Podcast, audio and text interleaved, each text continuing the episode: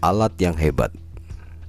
Seorang laki-laki datang ke tempat para peneliti memperagakan hasil penemuan mereka dan mendapatkan hak paten bagi penemuan tersebut. Saya telah menemukan alat untuk membuat manusia bisa berbicara dengan manusia lain di tempat yang berjauhan.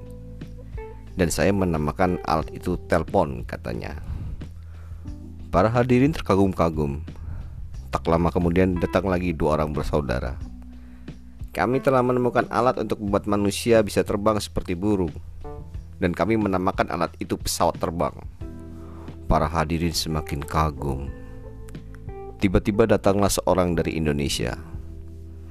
Saya telah menemukan alat untuk bisa membuat manusia bisa berjalan menembus dinding, kaca, dan besi katanya. Para hadirin heboh besar. Dan saya menamakan alat itu pintu